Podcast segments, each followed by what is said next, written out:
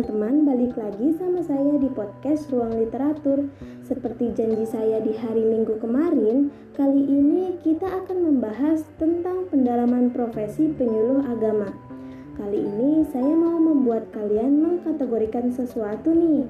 Menurut sobat Ruli semuanya, apakah dokter, polisi, penyuluh, dan guru itu termasuk pekerjaan atau profesi? Hayo, yang mana? Pasti kalian semua kebingungan ya. Pasalnya masyarakat masih mengenal keduanya itu sama saja. Padahal pekerjaan dan profesi adalah dua hal yang berbeda loh. Jadi sebenarnya pekerjaan adalah suatu kegiatan yang dikerjakan seseorang sedangkan profesi adalah bagian dari pekerjaan yang menuntut kualifikasi dan kompetensi tertentu sesuai dengan tugas pokoknya. Nah, untuk orang yang mengerjakan tugas pokok yang sesuai dengan kualifikasi dan kompetensi disebutnya profesional ya. Contohnya seperti yang di awal saya katakan. Jadi gimana? Sudah terjawabkan pertanyaan yang kalian pikirkan? Oh ya Sobat Ruli, karena episode ini bicara tentang profesi penyuluh agama, sebelumnya kalian tahu nggak sih kalau penyuluh agama itu mengemban tugas yang sangat berat loh. Pertama, seorang penyuluh agama dalam tugas agama akan mencoba mengajak semua orang untuk memahami amar ma'ruf nahi mungkar atau bisa dibilang kegiatan berdakwah.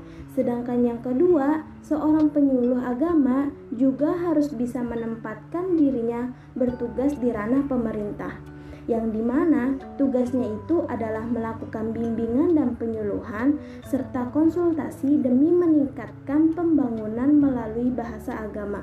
Secara garis besar, jenjang jabatan penyuluh agama itu terbagi atas penyuluh agama terampil dan penyuluh agama ahli. Tapi ada juga loh yang menyebutkan penyuluh agama PNS dan penyuluh agama non PNS. Semua itu tergantung penyebutan di wilayah masing-masing. Dalam menjalankan tugas-tugasnya, penyuluh agama pasti akan menghadapi beberapa hambatan seperti mulai dari kompetensi, kualifikasi, bahkan masyarakat yang nantinya akan dihadapi.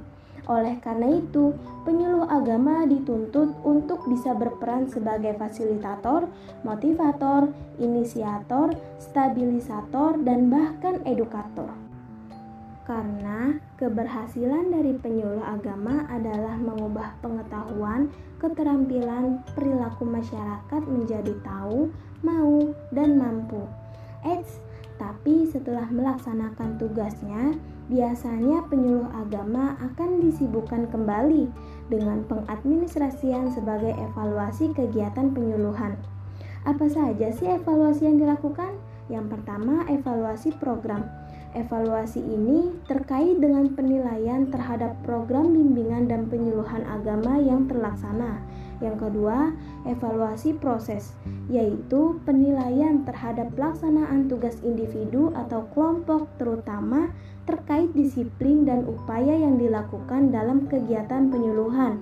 Yang ketiga, evaluasi hasil merupakan upaya pengumpulan informasi untuk mengetahui efektivitas dan efisiensi yang dilakukan dalam kegiatan penyuluhan dengan melihat tingkat pencapaian pengetahuan yang didapatkan oleh masyarakat pada jangka waktu tertentu.